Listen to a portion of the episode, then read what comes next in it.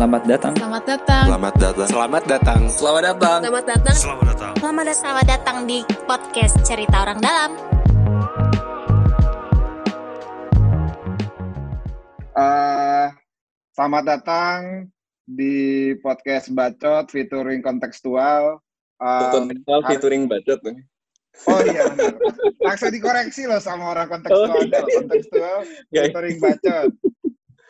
Tapi emang itu disepakati karena yang di dalam konteks dua podcast ini yang lebih keren memang kontekstual. Eh, guys. yang banyak yang kontekstual. bercanda. Tuan rumahnya eh, bacot. ya. Bacotnya harus kontekstual Ya, ya. ah.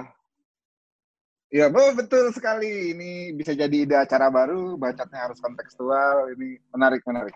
Nah, eh, di pagi hari yang membahagiakan ini ya sih, eh, kita akan bicara tentang kabar dari Amerika Serikat. Kalau teman-teman eh, semua mendengar situasi Amerika Serikat ini kan apa eh, rame ya gitu. Mulai dari COVID, mulai dari eh, kejadian demonstrasi dalam waktu dekat ini. Nah, eh, kita kedatangan dua kawan, eh, dua kawan dari yang sekarang ini lagi kuliah di sana gitu. Ada Mbak Meske Dimitria eh, yang sekarang lagi kuliah di eh, Columbia University New York City gitu. Lalu ada Mas Billy, ada Neroto Melina yang sedang kuliah di Pennsylvania State University. Ini daerah-daerah yang ramai nggak? Selamat pagi Mbak Meske, selamat malam Mas Billy. Mas Billy lagi malam loh, jam 11 malam loh di sana. malam. Selamat pagi teman-teman di Indonesia. Eh, Kita Ya, pagi dan alhamdulillah malam itu dapat pembicaraan ada pembicaraan bedanya ya. internasional. ya, eh, pertama nih, eh, mungkin ke Mbak Meske dulu gitu ya. Eh, kira- eh, gimana sih kondisi sebenarnya di NYC gitu eh, hari ini? Eh, saya sih dari Tebet ya sekarang nih kuliah Udemy instruktur Oh, Columbia. lagi di Tebet. Iya lagi balik eh, karena untuk hemat ongkos sebetulnya. Tapi eh, apa namanya pas beberapa hari setelah balik itu memang situasinya rame. Jadi eh, kalau di apartemen di sana tuh deket banget sama Harlem. Jadi yang tempat bisa dibilang ya Hmm. pusatnya demo lah gitu. So far sih kalau apa namanya ada beberapa hari itu yang memang ya bisa dibilang chaos ya gitu. Tapi setelah itu tuh sebenarnya banyak peace protest juga gitu. Cuman ya again kadang-kadang media kan lebih seksi itu ngeberitain yang heboh-hebohnya gitu. Hmm, hmm, hmm.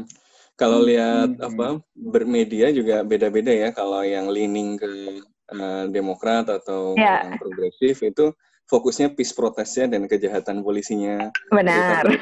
Bagaimana polisi memanipulasi dan apa melakukan kekerasan yang brutal gitu. Tapi kalau Mm. lihat eh, Fox atau lihat apa eh, akun Twitternya tim Trump itu Nah itu lootingnya. beritanya Antifa ya. Iya Tapi gitu. ditangkapnya di itu nggak, nyolong ini juga nggak nyolong, nyolong Alfamart juga nggak itu? Iya ada sepatu fans. Ketua anarko. Silakan silakan Mas Angga. Iya, ah nggak apa-apa. Itu ah, terus kalau dari dari NYC gitu ya Mbak Meske gitu. ah, waktu COVID ini kan sebenarnya kemarin cukup, rame ya, Ah, cukup rame gitu, ah, yang kenanya banyak. Ah, itu gimana tuh Mbak situasinya? Oh, Oke Agak kalau? COVID itu sebetulnya di New York kasusnya itu nggak beda jauh sama di Jakarta diumuminnya. Kayaknya kurang lebih beda semingguan ya gitu. Hmm. Tapi yang menarik tuh kalau di New York Cuomo tuh tidak pernah mau bilang uh, kata lockdown gitu. Jadi kita dibilangnya pause. Nah, uh, itu selama berapa bulan ya dari bulan Maret ya, Maret sekitar tanggal 16. Pokoknya sebelum spring break tuh udah udah mulai pada di rumah-rumahkan. Nah, awal-awal tuh bisa dibilang ya banyak yang bandel. Jadi awal-awal kan memang penggunaan masker itu masih dibilang hanya untuk yang sakit. Kemudian juga orang tuh masih kayak yang nggak diwaro aja gitu, tetap aja jalanan rame. Tapi Hmm. begitu CDC udah mengeluarkan bahwa oh ini statsnya seperti ini, terus udah banyak case. Nah itu orang-orang udah mulai lama-lama tuh turun gitu. Jadi kurvanya tuh agak naik turun. Belakangan sebelum balik juga dede-dede undergrad tuh masih banyak yang piknik-piknik, yang cium-ciuman di Hmm. taman tuh ada juga gitu. Jadi ya ya namanya manusia ya gitu. NYC ini termasuk paling tinggi kan ya di seluruh dunia ya. Betul, dah itu um, case-nya tuh cukup melonjak cepat karena mungkin ada juga orang-orang yang menganggap bahkan COVID itu hoax gitu. That's true gitu. Sama kayak di Indonesia kayaknya. Sama, sama kak, beda, beda-beda ini aja apa namanya letak geografis. Dan juga kan sama ya. Sama penjaringan mirip juga kayaknya. Oh beda tipis, rapet juga, Bo. iya gitu. Terus akhirnya ya sampai harus diterapkan kalau apa subway-nya tuh jadi biasanya kan 24 hour, terus jadi sekarang tuh jam 1 sampai jam 5 pagi itu ditutup karena mereka eh, cleaning, terus disinfect gitu. Nah, kalau orang-orang tuh joke-nya bilangnya akhirnya subway-nya New York nggak bau pesing gitu karena dibersihin. Ya, ya, Gitu. blessing in juga ya. Eh, eh, gitu ceritanya. Mhm. Siap. Kalau Mas Billy gimana Mas Billy di di Pennsylvania berarti ya? Mas Billy itu di Pennsylvania berarti ya? Hmm. Gimana tuh Mas Billy? Jadi kalau saya ini kan agak slow sebenarnya karena karena kota kecil. Jadi kalau kita bandingkan eh, ini ya, jumlah penduduknya lebih banyak kecamatan Cipayung daripada kota saya tinggal. Karena aktivitas aktivitas kota ini itu karena ada Pennsylvania State University. Lalu eh, kami sudah beralih online dari tanggal 16 Maret Eh, dan untuk semester summer pun yang dari mulai pertengahan Mei sampai Agustus pun sudah diganti ke online, tapi keputusan untuk fall yang mulai bulan September masih belum diumumkan. Jadi rata-rata kampus sepengetahuan saya akan diumumkan di pertengahan bulan Juni tentang apa yang mereka putuskan untuk fall. Kalau saya nggak salah di di UK itu sudah mulai diterapkan kebijakannya sampai sampai spring tahun depan sampai dengan awal tahun depan. Tapi kalau kami masih keputusannya masih sampai dengan summer ini yang dipindah ke online. Lalu sejak keputusannya karena di sini kan di Amerika tergantung state tuh Mas Angga. Jadi eh, state-nya memutuskan Mhm. dengan semua aktivitas, semua pasti patuh termasuk eh, aktivitas studi. Di di kami di di kota kami di State College itu juga dipengaruhi kebijakan yang ada di county selain state. Jadi karena per hari Jumat minggu lalu county kami eh, kota eh, kota di mana eh kebalik county di mana kota kami ada itu sudah beralih ke green. Jadi semua aktivitas sudah berubah normal. Dan itu Hmm. transisinya. Eh, karena di sini reviewnya akan direview hampir setiap hari bahkan setiap minggu. Jadi green itu beralih green setelah se- seminggu sebelumnya jadi kuning. Itu karena sejak dua minggu sejak dua minggu terakhir eh, nggak ada kasus bertambah di sini. Jadi per hari Jumat kemarin semua aktivitas sudah berjalan normal, tapi yang dibatasi hanya dining room. Kalau orang makan di dalam dalam gedung bangunan restorannya, sama di dalam mall atau di dalam eh, grocery tempat perbelanjaan itu jumlah orang yang ada di dalam dibatasi. Tapi semua aktivitas sudah berjalan normal. Ya, jadi demo sudah lebih aman ya. Hmm. Ya, jadi kalau demo, Tenang demonya.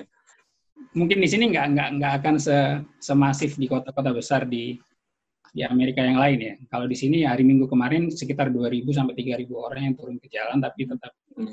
jalan damai. Jadi ada satu jalan, satu ruas jalan utama yang ditutup untuk mereka demo 4 jam.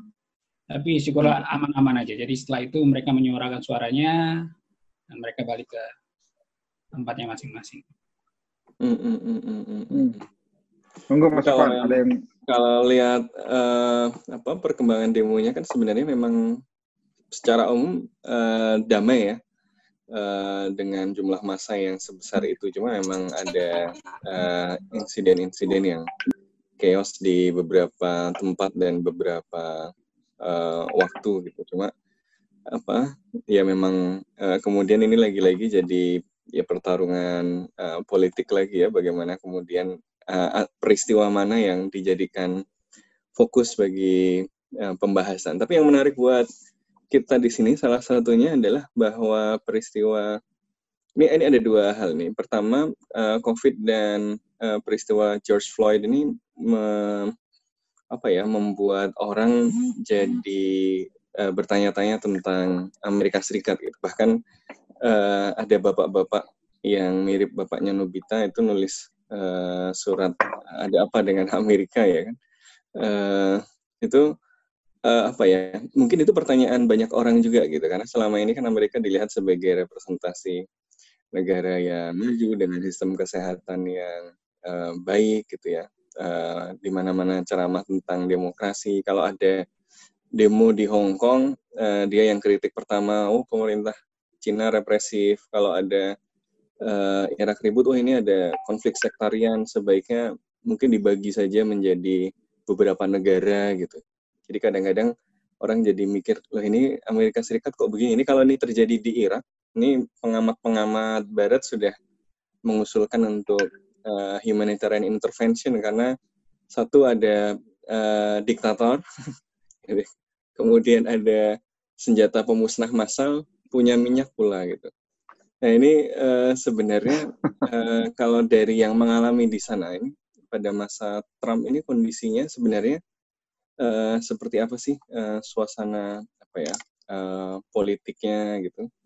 Uh, apakah benar memang ada pushback uh, apa ya menuju otoritarianisme gitu? Yang kemarin kan dia sampai pose di depan gereja pakai apa? Pakai Bible dengan pose ya yang membuat orang teringat pada uh, Hitler gitu kan. Uh, nah ini ini sebenarnya gimana? Apakah ini anomali Trump saja atau ini sebenarnya memang perubahan apa ya? Ya Trump ini gejala saja. Trump ini gejala atau penyebab? Kalau dari orang yang merasakan di Amerika Serikat, Trump ini gejala atau penyebab? Berat, berat. Kayak soal soal ujian sidang nih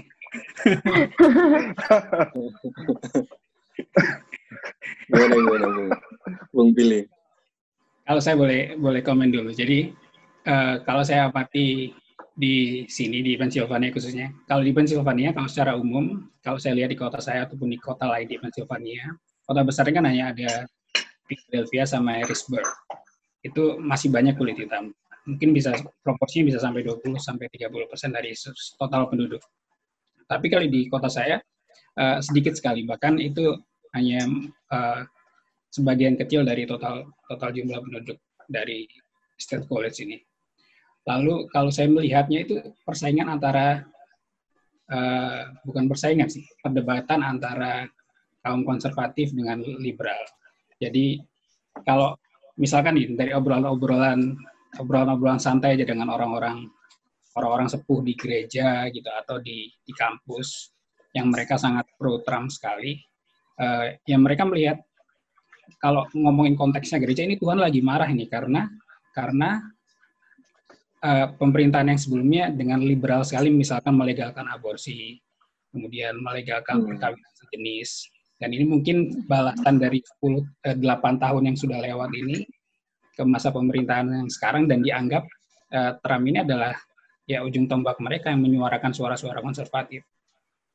Dan kalau kalau mungkin gejalanya di sini eh, persaingan politiknya tidak akan semasif di kota-kota besar, tapi saya rasa dari obrolan-obrolan yang sederhana itu bisa mencerminkan bahwa bahwa ini adalah perdebatan tentang kaum konservatif dan liberal sebelum masuk ke Demokrat dan Republik ya, masuk kan. Terus juga di sini meskipun di tengah situasi protes dan juga COVID tetap melakukan pemilihan, tetap melakukan uh, coblosan. Pemilihan kalau bahasa kita coblosan tanggal 2 Juni kemarin dan itu berlangsung damai dan dan semua orang dengan sadar melakukannya tanpa harus dipaksa. Tetap tetap tetap melakukan sensus penduduk dan lain sebagainya.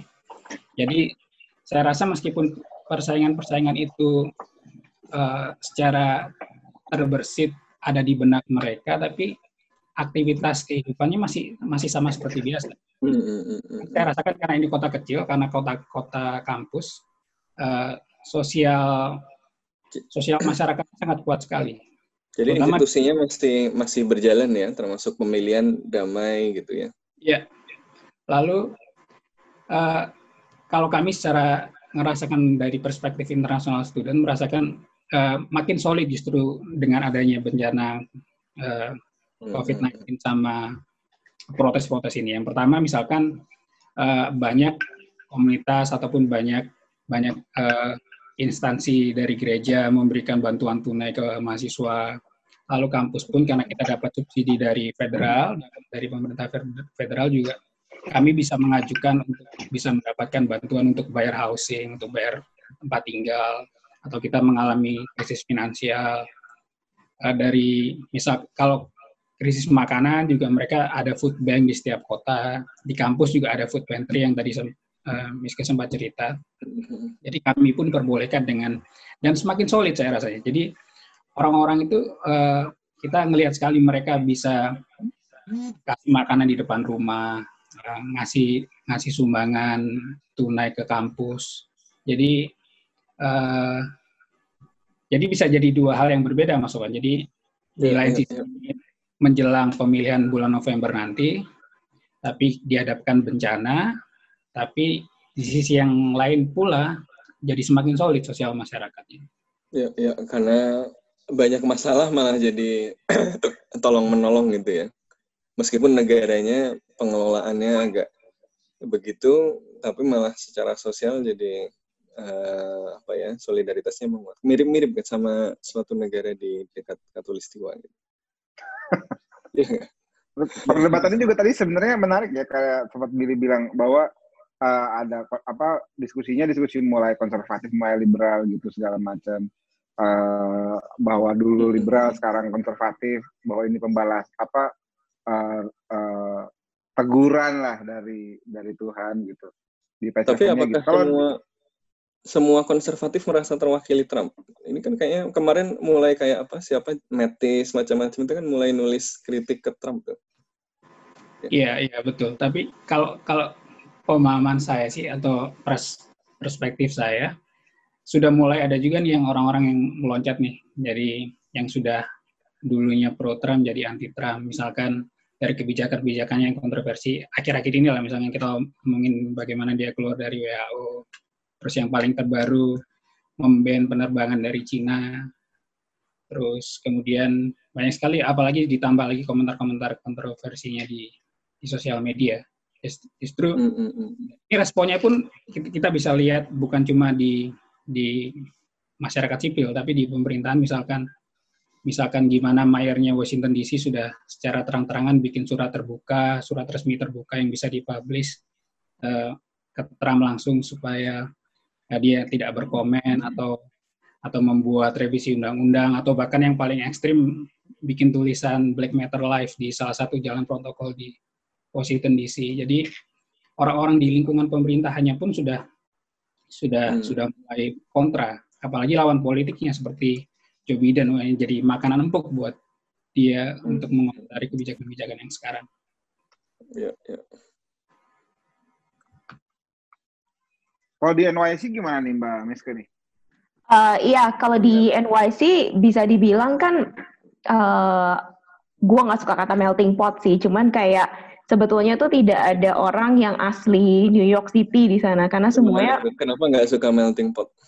Karena melting pot ibarat masak ya gitu. Itu kan kayak akhirnya tuh hanya ada satu rasa yang keluar hmm. gitu. Padahal sebenarnya kan ya hidup bersisian itu tuh yang nggak harus mematikan ya. karakter yang lama iya dan itulah menariknya New York City sebenarnya mirip-mirip kayak penjaringan ya bisa dibilang gitu tadi Nah, jadi tapi uh, disclaimer karena saya tuh baru di New York, jadi uh, kehidupan kampus yang fisikal juga sekitar sampai Maret doang. Setelah itu kan berubah online. Tapi benar kata Billy, menarik karena orang-orang tuh jadi kelihatan kayak kan pada dibilang kayak orang New York tuh dingin terus jahat sama uh, orang baru gitu. Tapi gue pribadi melihat kindness-nya gitu karena pada saat uh, COVID pertama kali merebak ada beberapa bisa dibilang remaja ya, itu kayak mereka bikin satu movement untuk memastikan uh, food security. Terus juga uh, apa namanya? Jadi gerakannya itu namanya Invisible Hands. Jadi mereka tuh kumpulin volunteers untuk belanja belanja groceries buat orang-orang tua atau orang-orang yang uh, secara resiko tinggi tuh lebih gampang terpapar dengan COVID-19 gitu. Awalnya cuman kayak ya satu kecamatan gitu, terus akhirnya bisa nyebar sampai itu gerakannya udah besar banget dan itu udah fundraise uh, lumayan besar gitu. Dan menarik tuh.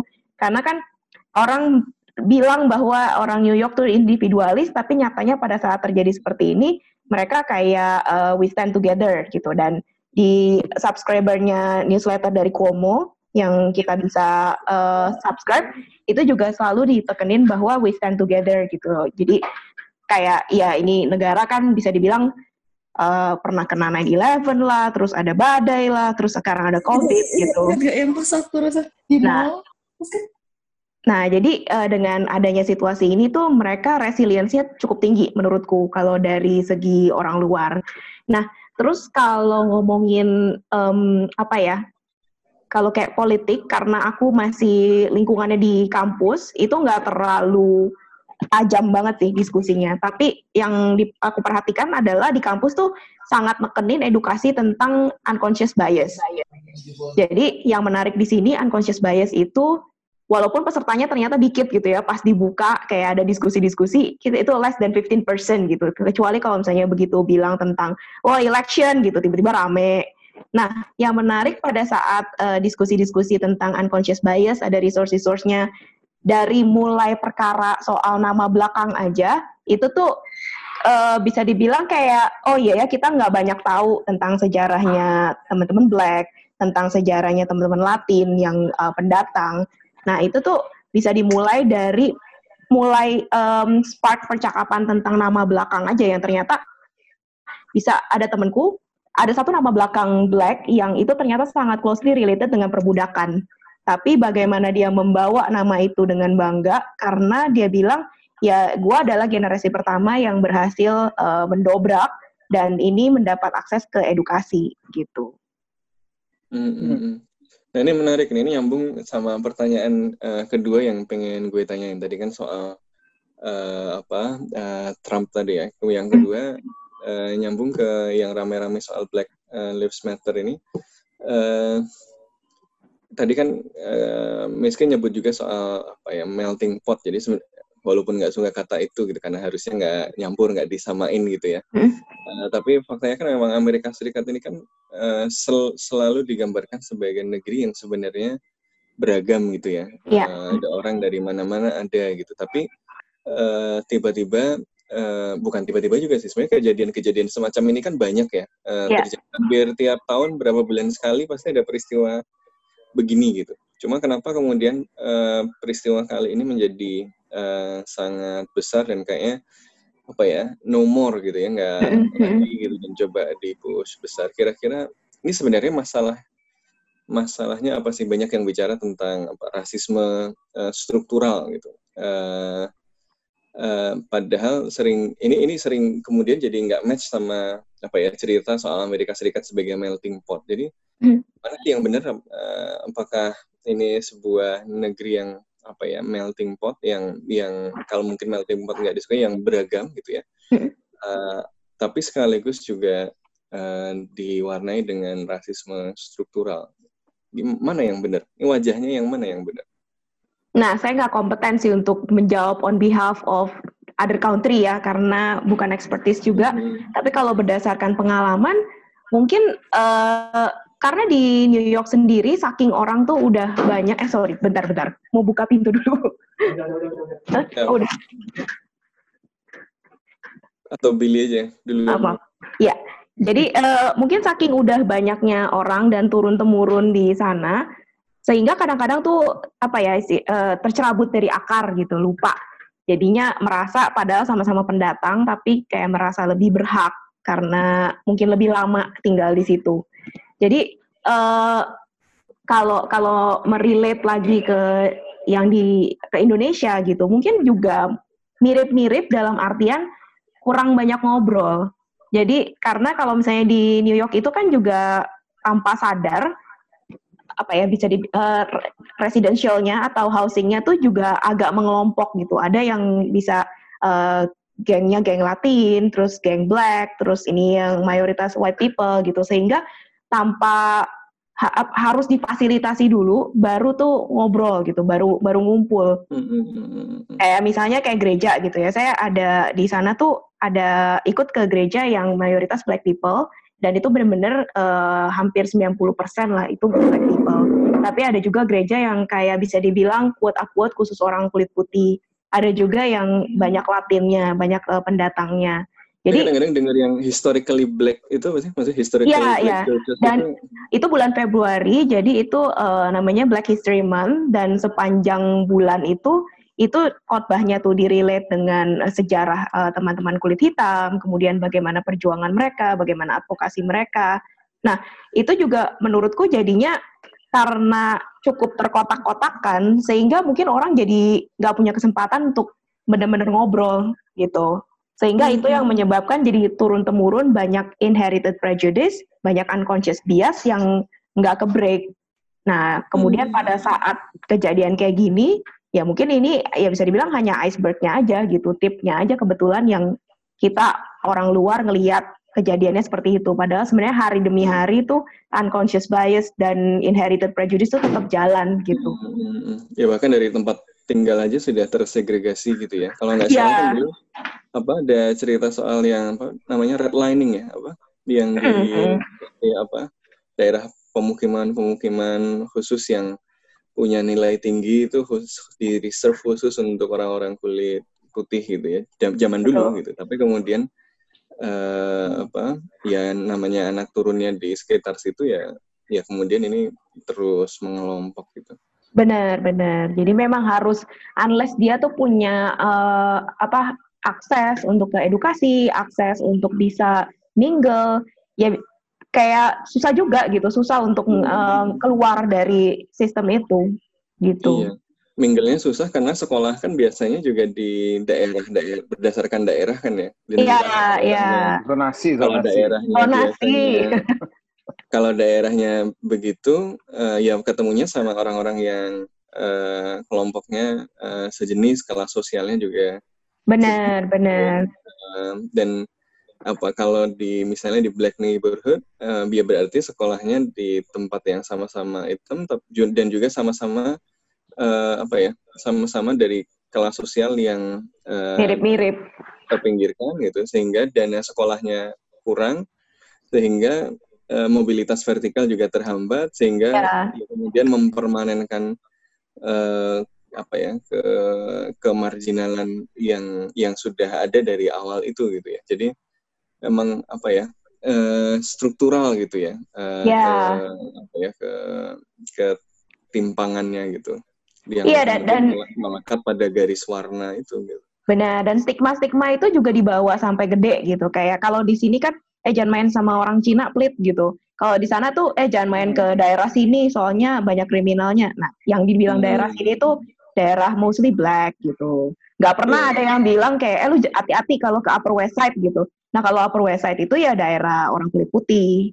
Mm, tapi kenapa kemudian jadi banyak kriminal di situ kan pasti karena keadaan Yes, tertentu. uh, uh, uh, uh. Bukan, bukan karena apa ya inherently orang-orang itu jahat, tapi karena Uh-uh. uh, kondisi struktural kan yang membuat ya kondisinya jadi begitu gitu. Iya, ya, ya dengernya begitu. Terus yang dia bawa sampai ada yang nge-break itu ya akan seperti itu terus. Hmm, hmm, hmm, hmm, hmm, hmm. Menarik, menarik. Ya. Kalau di Pennsylvania gimana? Kan tadi kayaknya ini ya agak lebih homogen masyarakatnya. Slow. Ya, Tapi kalau lebih homogen biasanya malah biasnya lebih kuat tuh, ya kan? Jadi balik ke pertanyaan Mas Owen ini, apakah ini gejala atau akibat? Menurutku ini gejalanya dunia dari Amerika, tapi bagi Amerika ini kayak penyakit kambuhan, Mas. Jadi kalau misalkan misalkan sebelum tahun 1900 Amerika sudah ngomongnya sudah tentang politik segregasi, tentang pembagian eh, politik berdasarkan warna kulit. Lalu Hmm. geser ke tahun 68 yang eh, pembunuhan Martin Luther King itu sudah jadi seperti pola yang berulang dan Hmm, balik lagi hmm, hmm. ke tahun 2020. Jadi zaman kita masih orang-orang masih dikirim ke luar negeri berangkat eh, dari 1908 zaman eh, awal-awal eh, Budi Utomo muncul, Amerika sudah ngomongin eh, politik segregasi, lalu mereka perang saudara. Jadi mereka konfliknya justru di dalam internal negara sendiri. Kalau kita kan gimana kita melawan kolonialisme. Terus eh, jadi menurut saya kalau di konteksnya Amerika ini ini penyakit kambuhan. Jadi eh, bukan lagi gejala tapi penyakit yang dulu ada sudah jadi luka terbuka lagi lukanya. Kalau ngomongin konteksnya Amerika dengan dunia, ini adalah gejala yang dibikin Amerika dan kita dengan mudah kan melihat ini bisa membesar dengan mudah di Australia, di di Eropa, di um, di Asia kurang ya, di Australia, di Eropa, di negara-negara Barat mudah sekali uh, isu ini mengembang jadi meskipun isu rasial tapi langsung kaitannya dengan isu-isu politik di negara masing-masing. Terus hmm. kalau kita bandingkan dengan dengan Indonesia yang seperti saya bilang, ya histori kita nggak akan mampu. Kita ngomongin Papua masuk ke Indonesia ya udah tahun 60-an, 70-an, mulai obrolan tentang Papua. Sedangkan Amerika isu tentang kulit hitam, kulit putih sebelum kita merdeka. Jadi kalau kita bandingkan Indonesia dengan Amerika dengan isu rasialisme yang terjadi sekarang, nggak apple to apple, sudah sudah bukan lagi kita konteks yang ngomong ini, karena kita belum sampai selevel itu, dan kita permasalahannya kan bisa beragam. Kita kita lebih diverse dari Amerika, bukan cuma ngomongin kulit putih kulit hitam. Indonesia ngomongin lagi tentang agama, ngomongin tentang suku yang ratusan atau ribuan itu. Jadi uh, itu mas menurut saya yang. Terus kemudian uh, yang tadi yang terakhir mas Sofan tanya apa ya? Ya, uh, apa ini apa ya wajah Amerika yang beneran itu yang mana gitu? Uh, yang diverse tadi atau yang sebenarnya uh, apa ditandai dengan rasisme struktural gitu. atau dua-duanya?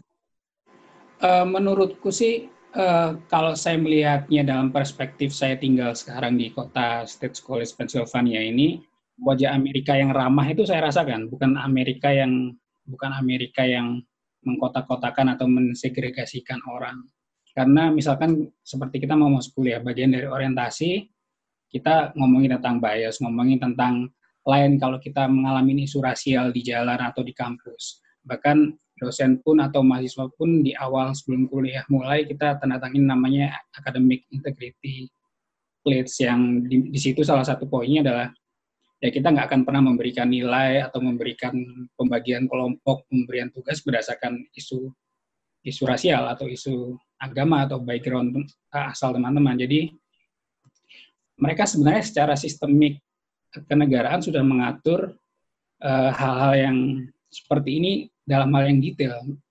Uh, bahkan dari, dari anak usia dini. Kebetulan saya di sini dengan anak dan istri. Anak saya sekarang sudah mulai preschool di salah satu sekolah di sini. Kami dapat subsidi dari kampus untuk membiayai sekolah anak dan dari usia dini pun sudah diajarin tuh. Uh, nanti akan ada ketemu teman-teman dari kulit hitam dan akan ketemu teman-teman Spanish, akan ketemu teman-teman dari India, dari Asia, dan gimana anak-anak itu merespon ketika teman ketika bertemu teman-teman yang baru yang belum pernah mereka ketemu, bahasa-bahasa baru yang mereka belum pernah ketemu, itu sudah diajarkan bahkan dari orientasi. Dan ketika orientasi hmm. anak bukan cuma anak saja yang ikut, tapi orang tua harus ikut dan itu wajib satu jam dalam kelas mem, uh, tanda tangan surat integritas, lalu uh, ada materi yang diberikan tentang isu-isu rasial, Terus setiap minggu kita diberikan uh, materi seperti materi online, jadi kita belajar tentang um, sejarah yang pernah terjadi uh, di di daerah ini tentang isu-isu yang sensitif seperti ini. Jadi sebenarnya sebenarnya uh, wajah Amerika itu ya kalau sekarang kita ngomongnya konteksnya tahun 2020 ya menurut saya pribadi mohon, nanti mohon diluruskan kalau Pak dosen kalau saya salah. Jadi sudah lo yang di sana Billy. Sudah ada dua sisi. Jadi uh, sisi yang baiknya juga ditampilkan, tapi sekarang kita juga dengan mudah sekali melihat sisi buruknya Amerika. Ternyata orang-orang yang kita kita agung-agungkan tempat demokrasi asalnya demokrasi, lalu tempatnya orang-orang pemimpin global yang mendunia, ternyata dengan isu yang yang kita nggak bisa bilang sepele, tapi dengan isu yang kecil saja bisa meledak dengan hebat di di berbagai kota.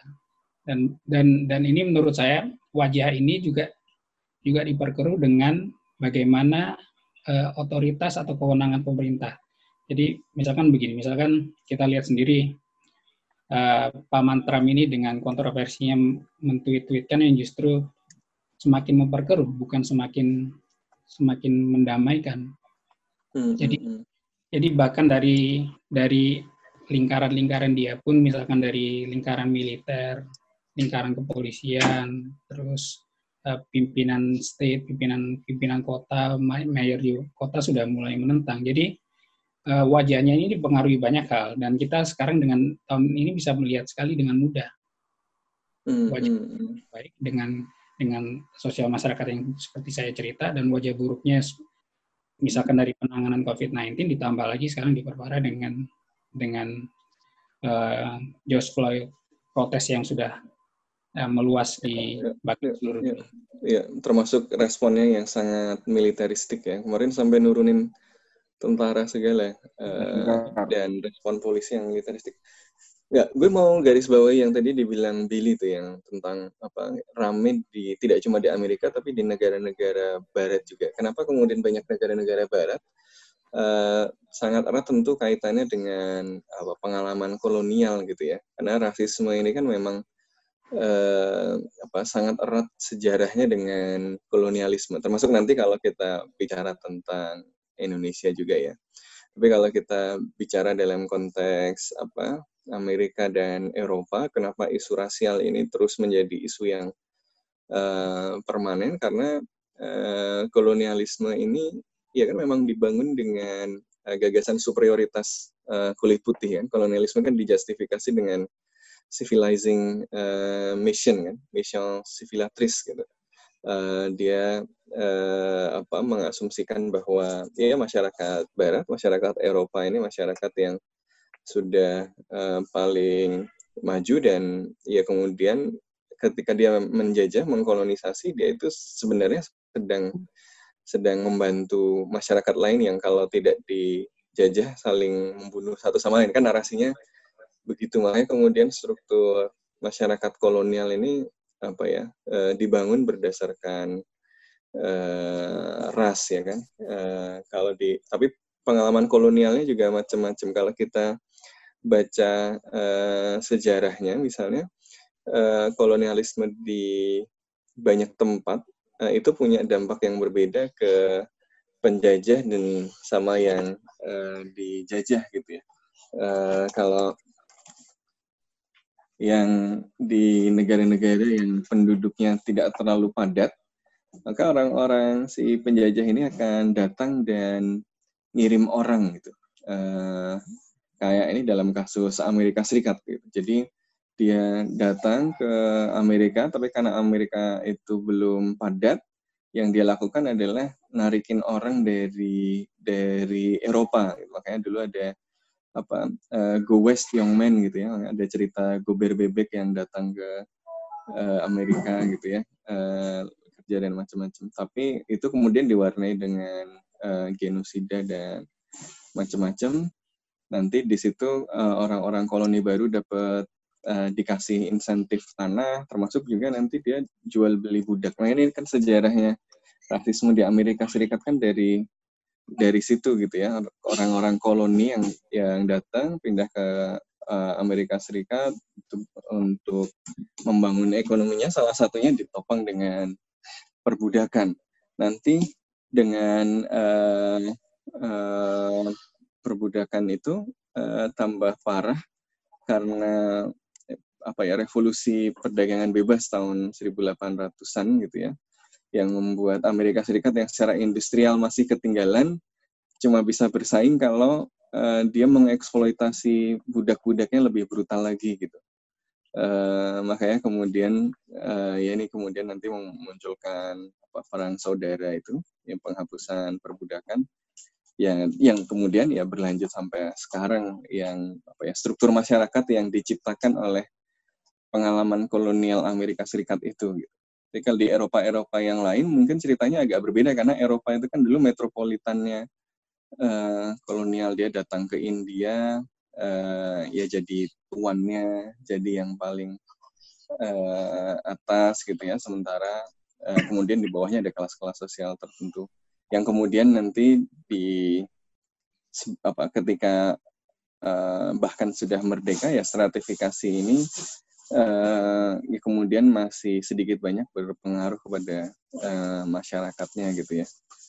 Uh, nah kalau lihat dari pengalaman begitu apa ya uh, kemarin rame-rame uh, soal uh, Black Lives Matter ini juga di apa ya memicu perdebatan ya penting dan menurut gue sangat uh, diperlukan di Indonesia gitu tentang uh, Papua. Sebagai uh, orang Papua nih gimana Bill uh, yang lagi di Amerika melihat kejadian ini merefleksikan ini ke pengalaman uh, apa Indonesia dan Papua ini gimana? Seberapa relevan nih gitu.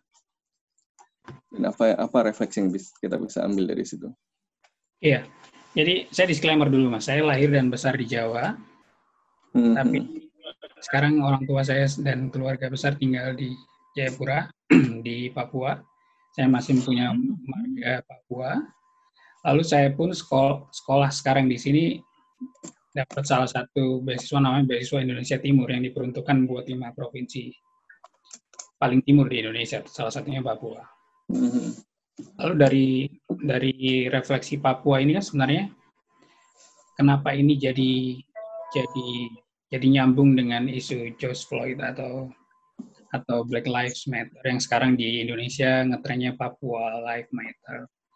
Itu karena ya menurut saya isunya sama, misalkan kekerasan oleh aparat keamanan sejarahnya di Amerika kayak tadi Mas Sofan bilang setiap tahun bahkan hampir setiap bulan pasti ada kekerasan aparat keamanan terhadap salah satu etnis tertentu. Di Indonesia pun misalkan eh, kekerasan aparat keamanan terhadap orang-orang Papua. Kemarin Amnesty Internasional, kalau teman-teman bisa lihat di tweetnya, di laporannya baru ngirim report ke Komisi HAM di PBB yang bilang, uh, saya punya angkanya ini, di sejak tahun 2000 10 sampai Mei 2020 sudah 95 warga Papua yang meninggal di tangan aparat keamanan. Lalu yang baru-baru beberapa hari yang lalu kita dengar juga yang pemblokiran internet di Papua dinyatakan bersalah oleh PT UN. Terus kemudian menurut saya juga eh, mengutip dari Amnesty Amnesty Internasional di Indonesia karena kita tidak punya mekanisme independen buat buat melaporkan tentang kekerasan aparat keamanan bukan hanya terhadap orang Papua tapi terhadap semua masyarakat Indonesia. Kalau kita mengalami misalkan kita mengalami kekerasan dari polisi ketika kita ditilang tiba-tiba ditampar, dikeplak, kita lapornya ke mana? Masa kita ditampar polisi lapornya ke polisi? Jadi eh, yang ditegaskan oleh Amnesty International tentang Papua adalah tidak ada mekanisme independen untuk untuk melapor, untuk uh, untuk memberikan report tentang tentang tentang kekerasan yang dilakukan oleh aparat keamanan, bukan cuma polisi, tapi militer, misalkan yang kita lihat di Nduga. Di Nduga atau kalau di Nduga nanti isunya jadi panjang. Kalau di Nduga bisa 5.000 orang yang masih mengungsi sampai sekarang. Terus di di Papua juga, uh, menurut saya, saya kurang uh, punya kapasitas juga ngomongin tentang tentang isu-isu tahanan politik di Papua. Tapi uh, misalkan untuk penangkapan yang enam orang aktivis tahun 2018 demo di Istana Negara. Lalu yang yang baru-baru ini yang tujuh, tujuh tahanan politik Papua yang terancam sanksi 10 tahun. Jadi sebenarnya ujungnya atau benang merahnya sama, misalkan tindak kekerasan oleh aparat keamanan.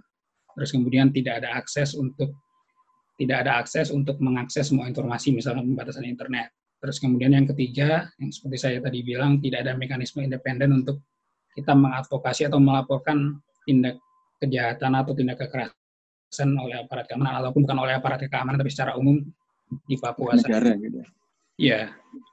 Lalu uh, ya itu terus ya saya melihat di akhir-akhir ini juga mudah sekali bukan cuma akses informasi tapi misalkan orang-orang yang sudah vokal menyuarakan tentang Papua dengan mudahnya ditangkap kemudian dengan mudahnya dinyatakan sebagai buronan tahanan politik dan lain sebagainya jadi itu sih mas. Jadi menurut saya refleksinya ya karena akarnya sama, akar-akar permasalahan yang menimbulkan konflik ini adalah akar permasalahan yang ada juga di Indonesia. Hmm, hmm, hmm. kekerasan hmm. negara gitu ya. Uh, tapi kalau kita lihat kekerasan negara ini kan bukannya ya sebenarnya cuma apa ya simptom dari problem struktural yang lebih mendalam nah. lagi tadi kan kalau apa tadi, Amerika, tadi menarik tuh gimana gimana Iya, tadi menarik. Tadi sempat Billy cerita kan kalau di kalau di uh, Pennsylvania itu di sekolah mulai dari preschool itu udah ada integrated plate uh, bahwa diajarkan sejarah tentang sejarah rasnya uh, ada ada hmm. uh, Latina, ada Latin, ada Black gimana, ada uh, pendatang yang lain gitu. Uh, tapi kan apakah sebenarnya pendekatan-pendekatan hal itu, pendekatan-pendekatan yang seperti itu itu juga bisa atau menarik untuk diterapkan di uh, di Indonesia gitu. Ini kan ada ada mungkin tapi tapi apa ya? Mungkin ketakutannya akan jadi dogmatis gitu ya. Uh, kayak tadi misalnya uh, sejarah Papua diterjemahkan oleh uh, uh, apa uh, kementerian yang isinya misalnya gitu kebanyakan dari uh, dari Jawa gitu sebenarnya. Nah, sebenarnya kalau ngelihat itu, ngelihat dari sudut pandang yang tadi, uh, mungkin nggak sih, mungkin nggak sih uh, kita terapkan itu di Indonesia dengan sejarah yang lebih jujur gitu misalnya. Ya, uh, uh, misalnya gini sejarah kenapa sih uh, orang Jawa ada di mana-mana gitu ya? Ya karena dulu ada transmigrasi. Uh, kenapa ada transmigrasi? Karena apa segala macam sehingga um, kayak misalnya ya orang orang Jawa yang ada di Lampung juga kadang-kadang ada tadi ada ada ada ada rasisnya juga gitu dari dari orang asli di sana gitu dari teman-teman yang dari, dari Lampung gitu ngelihat orang Jawa oh, ini karena dia orang Jawa nih makanya bisa begini begini begini. Nah, gimana tuh? Maksudnya uh, uh, apa yang udah Billy rasakan di di lihat apa anaknya preschool di di sana dan kalau misalnya ini juga Mbak Meska ini kan juga punya gerakan yang seperti itu ya uh, uh, di Sabang Merauke juga apa ya, ya uh, mengajarkan ya. mengajarkan untuk mengatasi itu ya macam untuk untuk mulai mengatasi itu nah gimana ya, tuh Uh, ininya uh, uh, lihat melihat itu kayaknya di Indonesia mungkin itu salah satu approach yang paling uh, masuk di akal dengan sejarah yang lebih jujur gitu. Tentang uh, tentang Amerika yang sudah begitu aja pendidikannya ternyata masih bisa meledak gitu gitu kan. Konfliknya kekerasannya masih terus apalagi aja. gitu. Gimana tuh Mbak Meska mungkin uh, Mas Willy?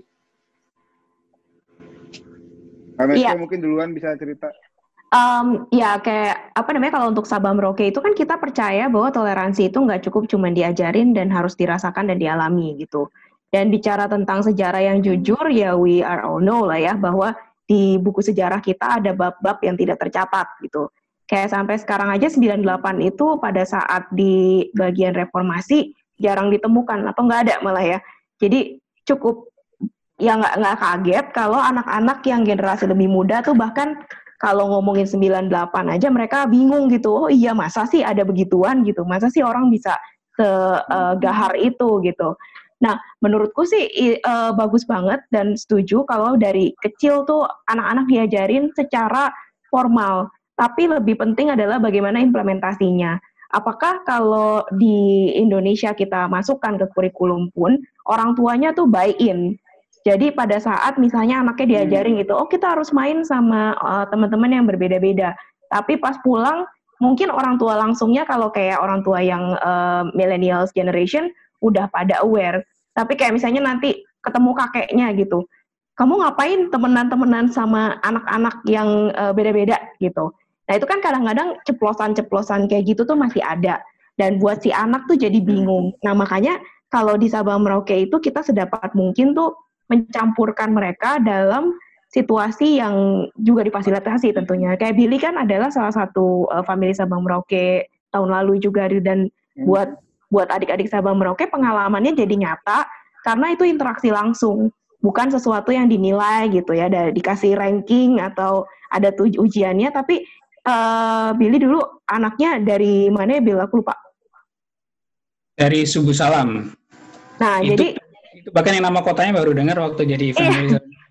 jadi dia bisa bilang gitu pada saat nanti ada isu Papua, oh bapak gue orang Papua kok, ibu gue orang Jawa, dan mereka hidup baik-baik saja. Dan itulah wajah Indonesia yang anak-anak ini akan lihat, bukan wajah Indonesia yang dikasih taunya tuh yang jahat-jahat terus turun temurun. Nah itu harapannya Sabang Merauke bahwa anak-anak Indonesia generasi yang selanjutnya ini itu punya dasar yang kuat bahwa terlepas dari pemberitaan yang juga nggak nggak selalu utopis, mereka punya cerita-cerita yang bisa mereka bawa gitu dan mereka bisa kasih kesaksian lah istilahnya bahwa oh iya ada omongan seperti itu tapi gue juga punya pengalaman pribadi bahwa nggak semua orang yang disebutkan ada prejudisnya itu tuh jahat atau nggak semua prejudis yang dikasih tahu itu tuh benar.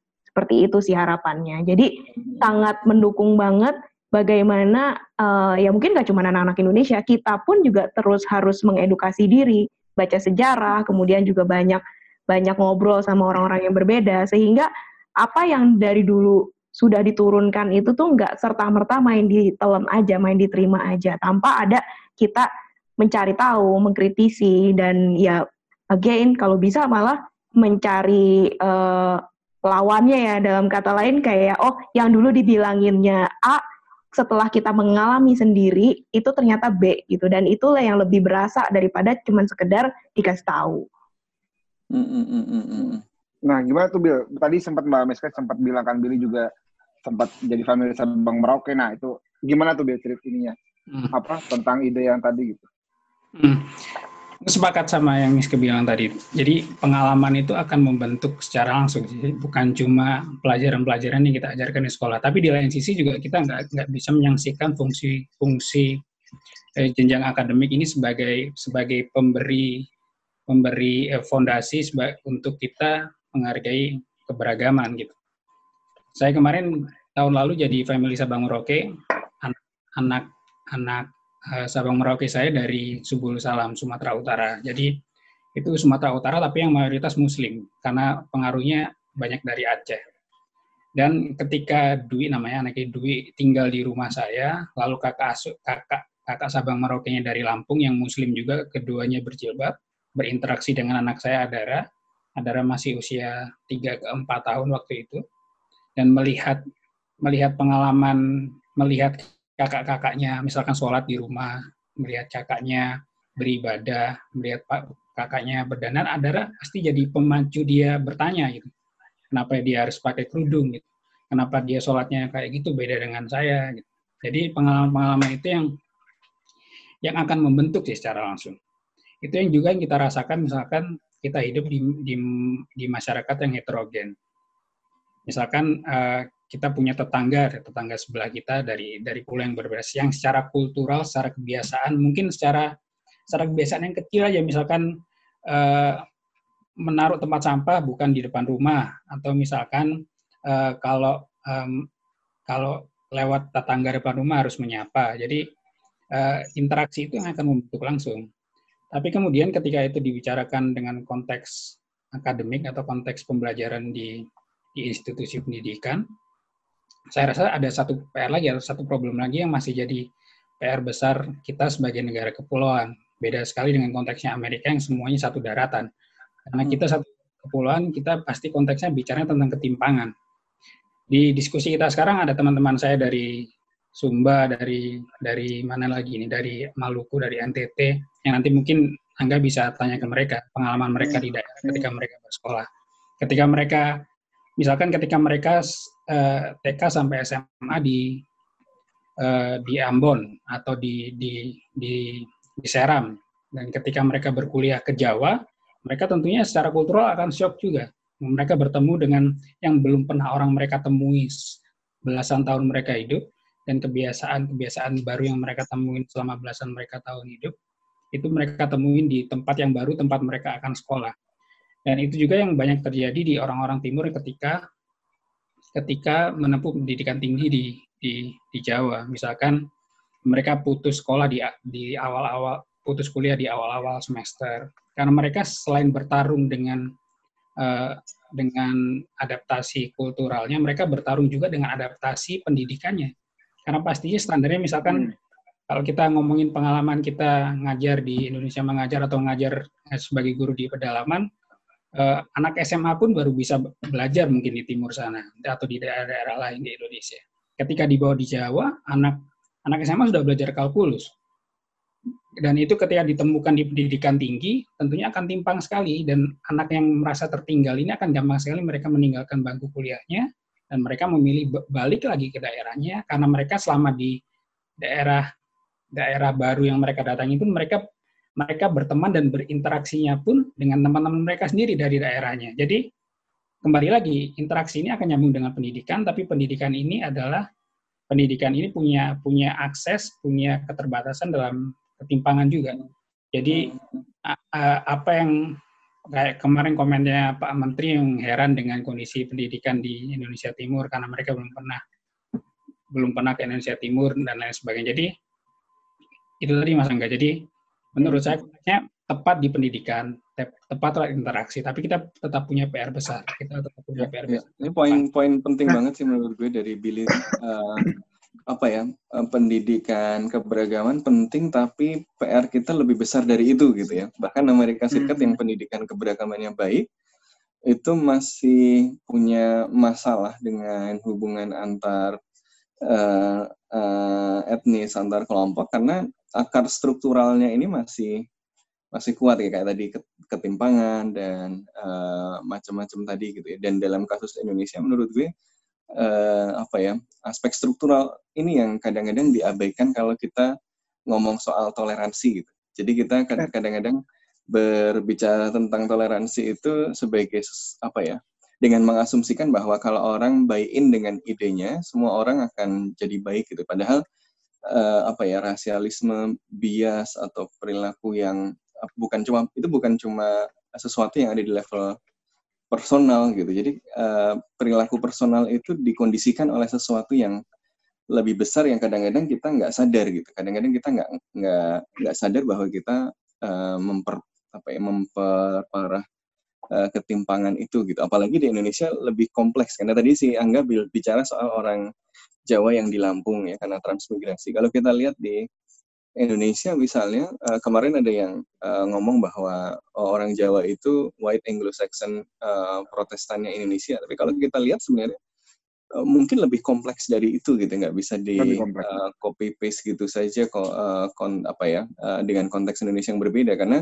orang-orang Jawa yang di Sumatera misalnya kenapa mereka dibawa ke Sumatera? Ya karena Belanda bawa orang-orang Jawa ini eh, ke Sumatera untuk mengolah eh, apa tanah-tanah baru yang dibuka oleh Belanda. Setelah Jawa eh, tanahnya sudah mulai habis gara-gara apa tanam paksa dan eh, kebijakan liberalisasi pasca itu. Tanahnya sudah mulai habis eh, kebun kan kebun tebu yang jadi gula dan macam-macam sudah sudah penuh di Jawa dan bikin Belanda kaya itu lalu dia mulai cari ada yang oh di Delhi ternyata bisa ditanamin tembakau dan macam-macam. Akhirnya orang-orang Jawa dibawa ke sana dan itu pun dengan kondisi kondisi apa ya eh, mereka itu di paling bawah di apa, strata sosial juga. Jadi mereka nggak punya keamanan sosial mereka dibawa ke eh, ya Sumatera sebagai sebagai buruh yang diikat kontrak seperti budak gitu kalau di apa ya jadi eh, ada ada kondisi yang barangkali malah lebih rumit lagi di Indonesia karena nggak cuma si apa penguasa dengan yang ditindas tapi ada banyak kelompok-kelompok yang hubungannya kompleks yang oleh struktur kolonial eh, kita jadi sangat terfragmentasi tapi kita juga sama-sama insecure gitu. Yang Jawa eh, insecure karena pengalaman eh, kolonial yang ditempatkan eh, jadi yang paling bawah tadi. Mereka mengalami proletariatisasi di jadi landless eh, rural. Ya teman-teman yang Tionghoa juga insecure karena eh, apa mengalami banyak eh, diskriminasi dan seterusnya. Jadi semua eh, kelompok apa ya punya punya insekuritas tersendiri karena eh, karena struktur ekonomi politik kolonial yang itu di bawah personal tapi kita nggak pernah apa ya nggak pernah dealing with this gitu. Eh, kita bicara soal toleransi selalu dari perspektif apa personal gitu jadi perspektif eh, sikap atau perilaku. Padahal ada eh, tadi ada aspek struktural tadi yang kemudian seharusnya dengan itu kita bisa coba saling memahami insecurity masing-masing gitu ya Eh, apa eh, dengan pengalaman historis yang panjang menurut gue eh, menarik kalau kita dengerin teman-teman yang lain juga eh, karena yang Tapi datang eh, banyak banget ya nggak ya Iya. dari mana-mana nih ya lumayan. Angga, ini boleh saya bicara? Teman-teman, eh, sebentar, sebentar. Eh, teman-teman, eh, nanti kalau ada yang mau tanya, eh, boleh silakan langsung eh, bertanya di komentar kolom chat dulu. boleh Eh, komentar juga boleh. Nanti Ya. eh, jadi ketahuan nih berurut eh, berurut eh, ininya apa namanya eh, yang mau bertanya dan ini biar nggak nanti kalau semuanya ngambil mic agak repot nih gitu. Nah, uh, ini ada ya. pertanyaan juga sih. Uh, ini dari Hamdi Firdaus ya. Uh, nanti habis Hamdi Firdaus itu ada Zulfirman Rai Rahyantel. Tapi Hamdi Firdaus dulu nih. Maaf mau tanya, kira-kira arah demonstrasi di USA ini ke mana ya? Lebih ke penanganan hukum polisinya atau gimana? Uh, gimana tuh? Uh, yang udah kelihatan dari dari mungkin kalau misalnya ini kayaknya nggak ada yang bisa menjawab secara ini karena ada yang bekerja sebagai pengambil kebijakan di Amerika Serikat tuh kan. Tapi um, tapi kalau misalnya kelihatan sih saya ngelihatnya mungkin uh, polisinya udah mulai mau dihukum gitu. Uh, cuma memang tuntutannya belum se sebelum sebelum yang diinginkan oleh uh, teman-teman yang uh, demonstrasi gitu uh, karena masih ada beberapa keistimewaan-keistimewaan yang diberikan oleh kepolisian uh, di Amerika Serikat dan meskipun mereka sudah dipecat dari dari satuannya gitu. Bener nggak sih kira-kira Mas Willy, Ma, Mas apa? Uh, uh, aku mau menambahkan satu poin Mas Angga. Jadi kalau kalau di kalangan intelektual, ya. misalkan mahasiswa uh, apa pun tingkatannya, itu yang disuarakan menarik. Mereka menyuarakan supaya kampusnya bersuara terhadap isu ini. Jadi mereka hmm. menyatakan supaya kampusnya bersikap terhadap isu ini, bukan cuma diam. Jadi misalkan kalau di kampus saya, mahasiswanya itu nulis email kosong atau dengan hashtag Black Lives Matter dikirim ke rektor. Jadi kan nggak kebayang tuh jadi rektor tiba-tiba menerima puluhan ribu email dalam sehari itu semua isi kosong atau atau menuntut. Jadi uh, mereka menyuarakan supaya mereka, kampusnya walaupun tidak bersikap mereka bersuara. Kalaupun kampusnya misalkan kampus saya kampus state, mereka nggak berani melawan kebijakan pemerintah, ya setidaknya mereka bersuara, misalkan mengecam atau mereka menyuarakan, ya ini mahasiswa di kampus saya ini peduli loh terhadap isu ini, nggak cuma dia, mereka turun ke jalan. Itu kalau hmm. konteksnya kalangan intelektual dan protes yang damai. Ya, setuju sih. Uh, jadi memang yang disuarakan itu pertama-tama kan memang mengecam tindakan dari si polisi kulit putih. Tapi setahu saya memang juga ada apa ya istilahnya ikatannya polisi itu di sana tuh sangat kuat gitu. Jadi mungkin hmm. ini ini ini uh, pendapat orang awam ya. Mungkin juga ya beyond that gitu. Tapi seperti yang Billy bilang, yang disuarakan itu juga adalah jangan diam karena banyak lagi nih bermunculan gitu dengan white privilege, Asian privilege even gitu. Jadi di sana itu ya ya saat ini adalah si uh, Black Lives Matter dan Blackout Tuesday-nya itu gitu yang dibantu untuk di raising awareness-nya. Jadi supaya orang-orang tidak bersikap istilahnya ya uh, all lives matter deh, semua biar damai-damai aja gitu. Tapi ya tetap dengan uh, menyuarakan Black Lives Matter itu kita punya posisi gitu bahwa kita mendukung teman-teman kita yang black people ini seperti itu. Terus nambahin sedikit dari Mas Sofan tadi uh, ya. tentang toleransi. Waktu itu juga sempat diskusi kalau uh, dengan apa ya istilahnya akar kata di bahasa Indonesia toleransi itu kan kesannya jadi kayak oh uh, gue toleransi jadi ya udah lu mau ngapain aja gue diemin gue toleransi gitu. Jadi uh, agak negatif gitu ya sebetulnya yang dimaksud toleransi itu betul gitu. Kita embracing dan celebrating perbedaan itu bahwa kalau uh, apa istilahnya orang pun punya suara dan punya perbedaan pendapat, it's okay gitu. Tapi gue akan bela hak lo untuk ber, uh, berpendapat itu, walaupun gue mungkin gak setuju. Jadi beyond toleransi yang sekedar menolerir, quote unquote, tapi bagaimana kita juga bisa uh, ya hidup berdampingan dalam perbedaan itu dan uh, mungkin secara kultur kita nggak terbiasa ya untuk punya perbedaan pendapat. Jadinya tuh uh, apa ya gerah sendiri gitu. Aduh, ntar nggak enak, ntar konflik, ntar berantem gitu. Mungkin bisa juga mengajarkan untuk kita bisa belajar berkonflik dengan sehat, belajar untuk berpendapat. Kayak kita ngelihat di Twitter gitu, kalau ada yang berbeda pendapat dikit, tahu-tahu jadi netizen berantem ribut gitu padahal sampai nggak ketahuan akar bedanya tuh apa sih gitu nah mungkin juga salah satunya adalah kita perlu membiasakan diri sebelum bicara tentang toleransi itu untuk ya akuilah gitu dan hormatilah bahwa orang itu pendapatnya memang beda-beda and it's okay. Hmm. Nah mungkin tadi sebelum ini Pak Pak Ed, Pak Edeng Rahmat nih kayaknya tenaga kesehatan ya udah ada stetoskop di di lehernya tadi nih. Gimana nih Ya, Pak? terima kasih Mas Silakan, Angga. Pak. Terima kasih teman-teman yang eh, berada di forum ini ya, forum Sabang Merauke ya, yang berada di luar negeri. Kebetulan saya memang hanya di Indonesia ya, sebagai dokter yang sehari-hari selain nangani COVID juga praktek lah gitu ya. Kebetulan saya lagi istirahat, jadi praktek. Eh, selamat pagi dan eh, salam sejahtera. Assalamualaikum warahmatullahi wabarakatuh. Eh, saya tadi mendengar sedikit masalah toleransi. Dulu saya punya pengalaman di Papua selama enam tahun di sana, dan saya melihat sangat hebat toleransi, luar biasa. Sebagai sebagai orang Muslim, justru saya bisa diterima baik di sana dan eh, cukup bisa bekerja sama sebagai dokter dengan masyarakat dan para tokoh-tokoh adatnya. Jadi ada dua isu yang sebetulnya eh, masalah alkulturasi budaya dan isolasi fisik yang itu pada tahun 82. Jadi ketika bergerak sampai sekarang dengan mekanisme uh, pembangunan isolasi fisik sedang dikembangkan, itu sedikit demi sedikit memang interaksi akulturasi budaya sudah sudah mulai baik. Hanya persoalannya selalu ada muncul konflik sosial. Nah, konflik sosial ini ternyata hanya dipicu oleh ya mereka yang punya kepentingan. Kalau masyarakat sendiri tidak apa-apa ya. Karena saya sudah membuktikan mekanisme itu bahwa toleransi beragamanya waduh luar biasa, luar biasa sekali. Kalau saya lebaran itu wah mereka yang membantu saya.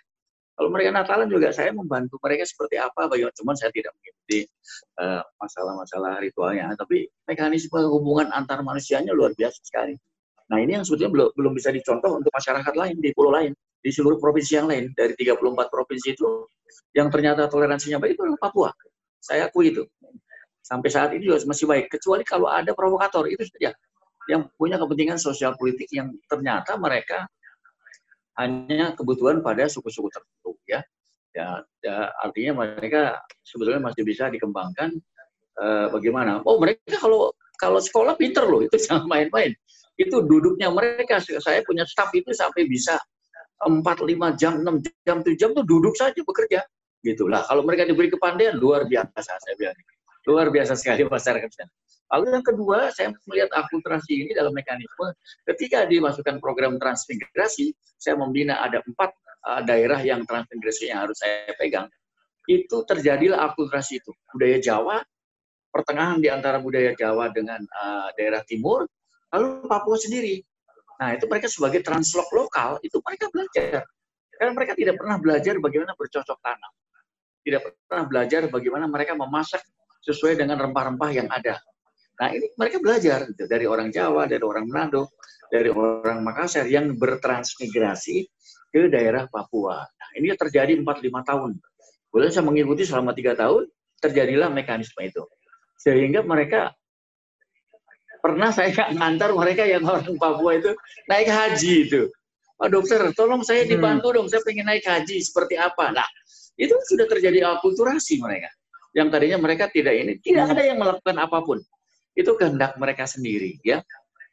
Jadi mekanisme itu akan akan terjadi dengan toleransi yang baik. Dan saya mengajarkan ke anak-anak saya ada dua orang yang lahir di sana memang untuk bagaimana berdekat dengan mereka ya. Walaupun dia hitam dia kritik dan sebagainya tidak masalah. Bukan itu persoalannya. Jadi bukan persoalan fisik dan sebagainya tapi persoalan hati ya. Dan sebenarnya kalau ada kedekatannya bagus ya toleransi. Sebelum Sabang Merauke bisa melakukan mekanisme itu karena sebetulnya saya juga menggarisbawahi ini kalau saya kemarin dilihat di Amerika itu satu orang saja kulit hitam terjadi rasisme seperti itu. Jangan-jangan di Indonesia juga tinggi sekali rasismenya gitu ya. Yang perlu harus digarisbawahi bagaimana kita sudah bertoleransi. Ini yang ini yang ingin saya Mantap. sampaikan bahwa ada sesuatu yang sebetulnya kita mampu menggerakkan Sabang Merauke ini untuk bertoleransi tinggi terhadap semua suku-suku yang ada.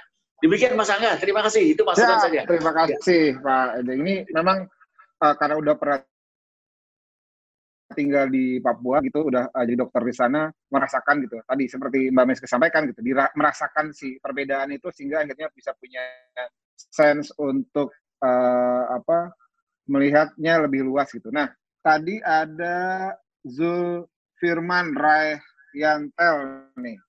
Monggo nih, gimana uh, uh, apa ada yang mau disampaikan gitu. Ini kalau boleh kenalan dulu ini dari mana gitu. Iya, Monggo ya silakan, baik terima Mas. ya baik terima kasih. Eh, selamat pagi dan selamat malam teman-teman di Amerika. Eh, saya Zulfirman Rahyanto, sementara lagi di Columbia di Missouri, kuliah di University of Missouri Columbia. Uh, pada menarik sekali diskusi hari ini menarik sekali. Saya ingin merespon uh, kebetulan saya asalnya dari Ambon, uh, hidup dan tumbuh besar di daerah pasca konflik. Dan ini yang tadi yang dibahas menarik sekali. Uh, yang pertama mungkin uh, sedikit saja tentang yang tadi udah jelasin tentang Amerika dan sebagainya. Uh, di di Mizu di Missouri sendiri karena kita kota besarnya berada di pinggiran, ada di St. Louis dan juga di Kansas City. Dan di sana yang mungkin aksinya agak ini, tapi kalau di yang tadi Bang Billy udah bilang kalau di college-college town itu aksinya memang aksi damai gitu, aksi damai dan sebagainya. Tapi uh, menarik, catatan menariknya dari Mizu, Missouri adalah kampus gitu. Bagaimana ketegasan kampus. Jadi kemarin itu ada salah satu video yang viral. Jadi ini ada mahasiswi, ada tiga calon mahasiswi di University of Missouri. Uh, mereka tuh mau masuk ke kampus dan mereka buat video semacam video parodi gitu untuk yang uh, bagaimana polisi uh, kemudian mereka buat video parodi tentang kejadian itu dan akhirnya kampus melihat itu dan kampus melacak itu dan uh, kita diumumin bahwa yang bersangkutan uh, di, diputuskan untuk tidak diterima di kampus meskipun udah di, udah diterima di hmm. awal gitu dan itu saya melihat itu menarik gitu menarik adalah bagaimana kampus uh, punya ketegasan yang jelas gitu tentang uh, isu rasisme ini. Nah itu menyambung aja yang tadi yang uh, Bung Billy sampaikan sehingga. Sebagai komunitas internasional juga kita terlindungi di sini dengan adanya isu ini juga solidaritas menjadi sangat kuat. Nah itu sih. Nah yang kedua uh, menarik sekali yang tadi yang disampaikan oleh uh, Mbak Messi tadi tentang toleransi sebagai kebetulan saya 10 tahun 10 tahun terakhir uh, bekerja di superdamaian di di pos konflik area misalnya di Ambon, di Poso, di Aceh dan sebagainya menarik gitu karena selama ini yang saya lihat orang tuh bicara toleransi adalah toleransi semu di ruang publik gitu. Saya menyebutnya toleransi semu karena level daripada toleransi itu adalah acceptance, penerimaan. Orang udah harus menerima di situ. Dan konsep Sabang Merauke dan tadi terus yang Bang Billy sampaikan menarik. Sejujurnya saya sejak 2011 bekerja masuk ke kampus di mana segregasi Muslim dan Kristen di Ambon itu sangat tinggi sampai sekarang dan konsep segregasi ini juga terjadi di di Amerika juga ada gitu antara kulit hitam dan kulit putih juga modelnya juga sama. Nah segregasi ini ada karena ada memori kolektif yang terus dibangun gitu. Di, kayak misalnya di Ambon misalnya konsentrasi tempat tinggal kan jelas Muslim di mana Kristen di mana dan di Amerika juga jelas. Nah memori kolektif yang terus dibangun ini menjadi masalah Bagaimana bagaimana cara menyelesaikannya? Saya pikir kita punya banyak model gitu. Uh, Sabang Merauke saya setuju ada satu model yang menarik karena yang paling penting adalah menghadirkan ruang perjumpaan. Ruang perjumpaan yang mana itu ruang perjumpaan di ruang-ruang privat, bukan di ruang publik. Itu menjadi menarik karena hmm. saya punya pengalaman pribadi. Sejujurnya saya bisa menghapus prasangka saya terhadap Kristen itu justru bukan di Ambon gitu, justru di Salatiga ketika saya mengikuti program live in gitu interfaith saya tinggal bersama dengan pendeta di sana kita berdiskusi dan sebagainya dari situ justru menghilangkan prasangka itu bukan di Ambon gitu justru di di luar gitu. Bagaimana melihat Kristen itu dalam perspektif yang berbeda. Sehingga dari situ saya mulai konsisten untuk bekerja bersama dengan teman-teman di perdamaian isu perdamaian dan yang paling utama kita dorong adalah ruang perjumpaan itu di ruang privat bukan di ruang publik. Itu itu itu catatan saya. Lalu kemudian yang kedua adalah menarik dari kasus yang ada di Amerika ini, saya melihat di Indonesia juga banyak orang kemudian berkomentar dan sebagainya. Cuman masalah kita adalah kesadaran kita itu populis. Itu dia masalah kita. Hmm, hmm, hmm, saya saya belum menyebutnya kesadarannya populis karena orang tuh sadar itu mengikuti tren gitu. Hari ini trennya apa? Semua orang sadar dengan tren itu. Ketika trennya berubah, kesadaran juga berubah dan sebagainya. Itu itu catatan catatan ini. Lalu yang ke, yang ini mungkin saya uh, singkat saja terakhir uh, kebetulan kami bekerja di kampus bagaimana melestarikan perdamaian dari kampus ke masyarakat. Kita udah di tujuh, tujuh, tujuh area di Indonesia post konflik area dari 2011 sampai sekarang. Dan saya setuju gitu anak-anak menjadi sangat penting. Karena uh, yang kami lakukan misalnya adalah terakhir itu dengan anak-anak SMA kami melakukan training dengan anak-anak SMA di di beberapa daerah misalnya di Ambon kemudian Ternate Poso di Makassar dan uh, di Aceh dan sebagainya. Menariknya adalah karena refleksi kami pribadi adalah ini harus ditarik di ruang privat. Sehingga kami buat kegiatan itu bukan di hotel, tapi kami buat di perkampungan-perkampungan warga. Hingga bayangkan anak SMA yang dia tidak punya interaksi misalnya dengan yang berbeda sebelumnya, dia harus hidup di lingkungan warga yang mungkin berbeda secara budaya dan agamanya, mereka bisa belajar langsung dan mereka bisa menerimanya itu. Nah, saya punya salah satu pengalaman menarik itu di Poso. Ada salah satu kampung namanya Kelurahan Bukit Bambu di Poso. Kalau teman-teman ikutin konflik Poso, di situ kampung itu adalah salah satu pemicu konflik yang paling tinggi di Poso, yang di mana ada tiga anak, ada tiga siswi SMA yang dulu dibunuh di sana, dan itu fotonya masih ada di sana dan sebagainya, dan itu kita langsung buat kegiatannya di situ dan anak-anak SMA yang berbeda ini kita yang tadi yang misalnya karena di situ mayoritasnya Kristen, mereka hidup berdampingan langsung dengan di rumah-rumahnya warga ini. Sehingga uh, prasangka itu bisa bisa ditiadakan. Nah itu aja sebenarnya yang paling terpenting saat ini adalah kita kurangilah uh, apa namanya uh, toleransi-toleransi di ruang publik karena itu sangat semu gitu menurut saya. Pengalaman misalnya di Ambon pasca konflik ini kan toleransi dan sebagainya perdamaian jadi proyek. Orang dari dari Jakarta dari mana-mana LSM datang ke Jakarta datang ke Ambon cuma buat seminarnya adalah undang-undang toko-toko kemudian kumpul di hotel lalu bicara tentang perdamaian. Padahal ketika konflik terjadi di Ambon, yang bersentuhan langsung di akar rumput itu akar rumput yang bersentuhan langsung tuh. Nah, catatan kebetulan saya dulu pernah menjadi asisten riset. Menariknya adalah perdamaian di Ambon itu justru dibangun di pasar. Hmm. Dibangun di pasar dan bagaimana orang-orang berjumpa berjumpa di pasar itu yang membangun perdamaian itu justru di pasar oleh ibu-ibu kita sebutnya ibu-ibu jibu-jibu di Ambon. Mereka tuh yang membangun perdamaian. Keberlanjutan perdamaian itu mereka nih yang membangun. Tapi masalahnya adalah ini tidak pernah tersentuh gitu. Nah, mungkin itu aja dari saya dan yang paling terakhir uh, kita berharap supaya intoleransi di Indonesia atau rasisme di Indonesia sudah selesai karena saya tuh kemarin ketika ada di salah satu kota di Pulau Jawa gitu yang dikenal sebagai kota toleransi saya tuh harus tertolak gitu. Kita harus tertolak karena kita dari Indonesia Timur gitu untuk mencari kos-kosan. Ini dia menjadi hmm. masalah.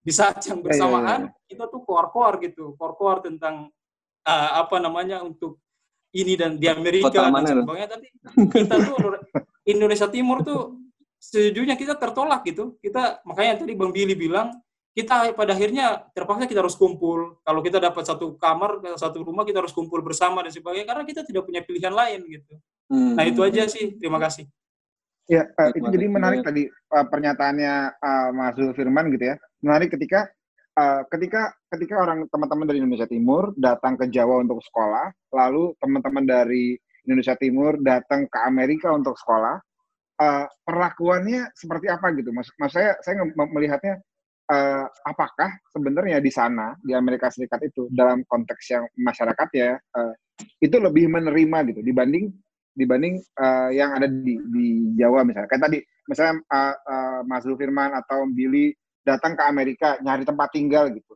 Ada nggak sih peluang karena karena dari Asia, karena dari Indonesia atau karena dari Indonesia Timur terus ditolak gitu? Nggak uh, boleh tinggal di sini karena ini uh, white people only atau ini Amerika Amerika aja yang boleh tinggal di sini atau gimana gitu. Itu ada nggak sih kisah kisah kayak gitu atau uh, begitu datang ke Amerika ya baik-baik aja ya selama bayar kontrak, selama ikut aturan, uh, that's it gitu. Nggak ada lagi tuh, oh karena kamu etnis apa, karena kamu agama apa, akhirnya ditolak. Ada nggak sih kisah-kisah kayak gitu tuh? Mas Billy mungkin? Ya kalau kalau saya syukur nggak pernah mengalami uh, itu ya diskriminasi atau atau bias di di masyarakat atau apalagi di lingkungan kampus ya. Cuma uh, saya pernah punya pengalaman ketika saya uh, berkendara, ketika saya nyetir mobil sama anak saya, uh, uh, saya papasan di jalan sama polisi. Polisinya kebetulan waktu itu kulit putih dan saya driving, tiba-tiba di stop, tiba-tiba di stop, terus akhirnya kita menepi dan ditanya tentang kan kalau di sini kan harus punya asuransi kalau berkendara, bukan cuma punya surat izin mengemudi, punya SIM, tapi punya asuransi. Dan ketika ketika di stop saya saya nanya dong, tapi nanya dengan sopan, kenapa saya di stop gitu? Atas dasar apa saya di stop gitu? Padahal saya taat di di traffic light, terus saya berkendara dengan baik. Um, kan saya menanyakan ini bias atau enggak ini kenapa kenapa saya di stop gitu. Ya, karena mobilnya mobil tahun lama atau atau karena saya bukan orang Amerika dan saya ingat statement pertamanya ya, yang dia sebut ya karena anda bukan orang Amerika ya, karena anda bukan orang Amerika hmm. dan saya ingin menanyakan menanyakan ke, anda, ke anda apakah anda punya surat lengkap apakah anda punya asuransi nah, dari situ itu pengalaman pengalaman yang pengalaman saya ya kalau untuk pengalaman di lingkungan-lingkungan eh, yang lebih besar, komunitas-komunitas yang lebih besar, syukurlah sampai sekarang aman. Bahkan ketika ketika beribadah pun di sini di di gereja lokal pun mereka menerima dengan baik. Bahkan ya seperti saya cerita di awal tadi, mereka memberikan support bukan cuma support secara rohani, secara jasmani, tapi support ya kayak kita berteman secara biasa. Ketika di kampus pun, kebetulan saya juga uh, uh, bekerja on kampus, bekerja di kampus di fasilitas olahraga di kampus ketika kita training awal untuk menjadi pekerja di kampus, hal, hal pertama yang dilakukan training di kampus itu bukan bukan caranya gimana kita mengoperasikan mesin, gimana gimana SOP, gimana value value tempat kita kerja enggak, tapi gimana kita menghadapi konsumen yang multikultural, bagi gimana caranya kita berkomunikasi dengan orang yang yang berbeda latar belakang dengan kita. Jadi jadi mereka menganggap itu hal yang sangat sangat fundamental sekali ya, sehingga bukan cuma di kalangan kita belajar, tapi di konteks kita kerja pun mereka juga punya hal yang seperti itu, seperti punya punya uh, punya punya fakta integritas yang ditandatangani bahwa selama kerja saya nggak akan pernah melakukan uh, uh, kegiatan yang menyangkut dengan isu rasial ataupun ketika saya saya mengalami isu rasial saya punya krisis lain yang harus saya kontak dan itu jalurnya udah jelas jadi kalau kamu mengalami isu ini dari dari konsumen ataupun dari dari dari rekan kerja pun kamu akan tahu mana yang harus kamu hubungi terlebih dahulu uh, selama 24 jam. Itu kalau pengalaman saya. Hmm. Nice, nice. Mbak Meska mungkin ada pengalaman apa nih? Kalau tadi Mas Billy diberhentiin di karena karena nyetir sih berhenti. Mbak Meska ada karena saya, saya tahu Mbak Meska kan juga aktif di sana ya. Uh, ada kegiatan kawanan juga di sana gitu. Uh, pernah nggak sih ada ada hal yang tadi tentang uh, hal yang kayak gitu di apa, perbedaan di sini dan di sana sama gitu? Uh, iya, alhamdulillah juga belum mengalami ya dan jangan sampai lah mengalami uh, kejadian rasial seperti itu. Dan uh, lagi-lagi dalam lingkungan akademisi memang uh, fakta integritas untuk inclusivity itu sangat ditegakkan. Jadi tidak hanya bicara ras, tapi juga tentang orientasi seksual, agama, suku itu juga mereka sangat uh, promote gitu dan betul ada ada channelnya masing-masing apabila kita mengalami satu perlakuan yang tidak menyenangkan, kita bisa report sesuai jalurnya.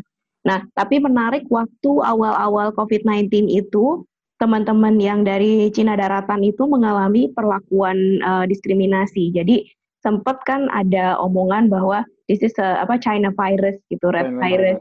Uh, uh, dan itu uh, pernah ngobrol sama beberapa teman yang uh, dari Cina daratan itu memang cukup sedih gitu bahwa just because secara apa uh, secara wajah itu kan kelihatan gitu. Dan mereka tuh kadang-kadang ya ada kayak di istilahnya secara gestur tuh agak dijauhi. Kemudian juga ibaratnya kalau yang batuk orang kulit putih sama orang Cina tuh pasti lebih parno kalau yang si anak Cina ini yang batuk gitu. Dan bahkan di kampus juga sempat terjadi kayak ada apa namanya kayak satu spanduk dulu dan itu sangat uh, apa kayak apa ya istilahnya uh, ya, ya um, apa diskriminasi gitu dan itu benar-benar diusut oleh kampus. Nah jadi memang uh, ya kadang-kadang masih terjadi tapi sih ya mungkin lebih karena pemicunya kemarin ada uh, case si COVID-19 ini gitu. Hmm, hmm. Gitu. Mas Afan mungkin mau nanya ini tadi kayaknya uh, dapat insight. Tadi tadi memang ini ya.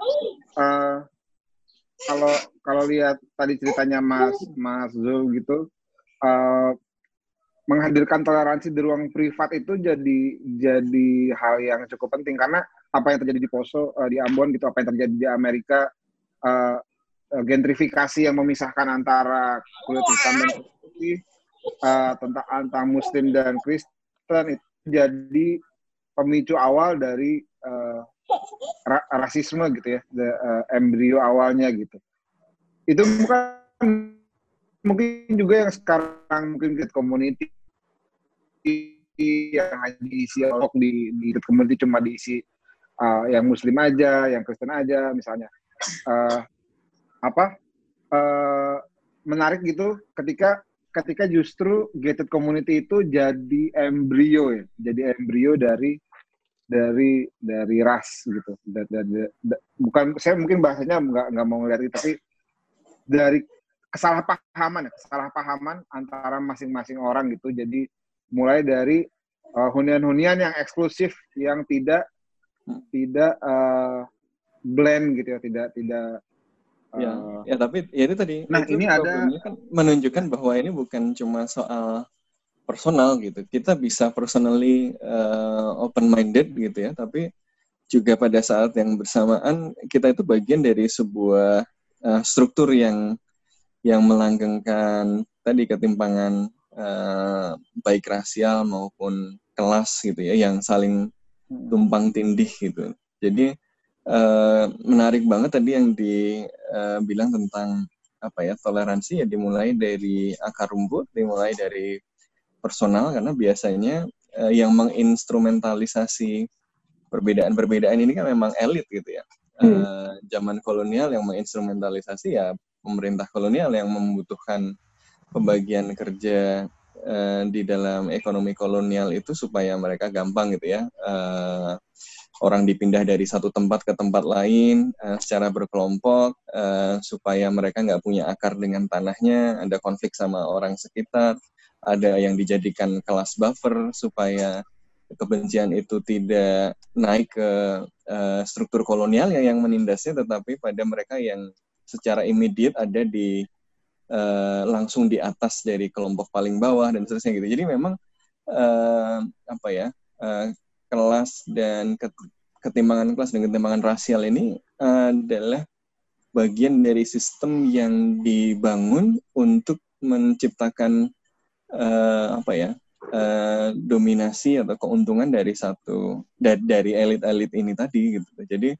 uh, ya memang dia harus dilawan ya dengan demikian ya dengan uh, kita nggak mau ikutin agenda elit-elit itu saja. Jadi kayaknya poin tadi menarik banget bahwa kadang-kadang kita mencoba tackling isu ini tapi ya kemudian yang dilayani, yang di-serve itu elit-elit lagi yang dikumpulin uh, ya tokoh-tokohnya elit-elit yang kemudian ceramah-ceramah soal toleransi gitu ya. Tapi uh, ya akhirnya jadi nggak jadi nggak ketemu di lapangan. Ya, kita memang harus melampaui tadi apa ya sekat-sekat yang secara struktural dibangun dan dilanggengkan oleh mereka yang diuntungkan dengan itu dan itu cuma bisa dilakukan memang di level apa ya personal, di level individual, di level uh, yang yang lebih konkret. Jadi orang membuat bahwa orang sadar bahwa kita bisa loh melampaui sekat-sekat ini gitu. Jangan mau di diinstrumentalisasi hmm. oleh uh, apa sekat-sekat ini gitu. Nah, ini kayaknya sudah hampir 90 menit kita berdiskusi. uh, ya, ini bisa bisa berhari-hari kalau ngomongin gitu. ini sih ya. bisa berhari-hari nih. Sebelum nanti Iya, tapi nanti nggak bisa dimuat di podcast kalau kelamaan. Iya makanya kalau kelamaan. Nanti uh, sebelum Mas Billy sama Mbak Miska nanti mungkin ada closing statement itu. Ini ada satu pendapat dari uh, penonton uh, tulisannya Anggun nih kayaknya istrinya Mas Billy nih kayaknya. terkait penerimaan atau isu rasial di Pennsylvania ini, utamanya saat awal-awal anak saya sekolah, uh, masuk sekolah, ada form yang wajib diisi orang tua tentang culture, sederhana makanan atau aktivitas yang keluarga kami makan atau lakukan sehari-hari. Ini menarik karena juga baru kami alami setelah di sini gitu. Uh, menarik juga hmm. memang uh, hal kecil gitu ya, hal, hal kecil mau makan aja uh, itu harus ditulis gitu apa aja. Nah, tadi sempat kelihatan ada Mbak Afina nih, uh, Afina uh, raising hand uh, sebelum tapi udah turunin lagi tangannya nih uh, masih mau nanya atau mau gimana nih agak labil nih gimana nih Mbak Vina mungkin kalau ada yang mau disampaikan ini dulu. pejabat DPR bukan kan? Ya. Uh, udah udah pindah mas. Oh udah pindah. udah DPR lagi. Gimana uh, gimana nih?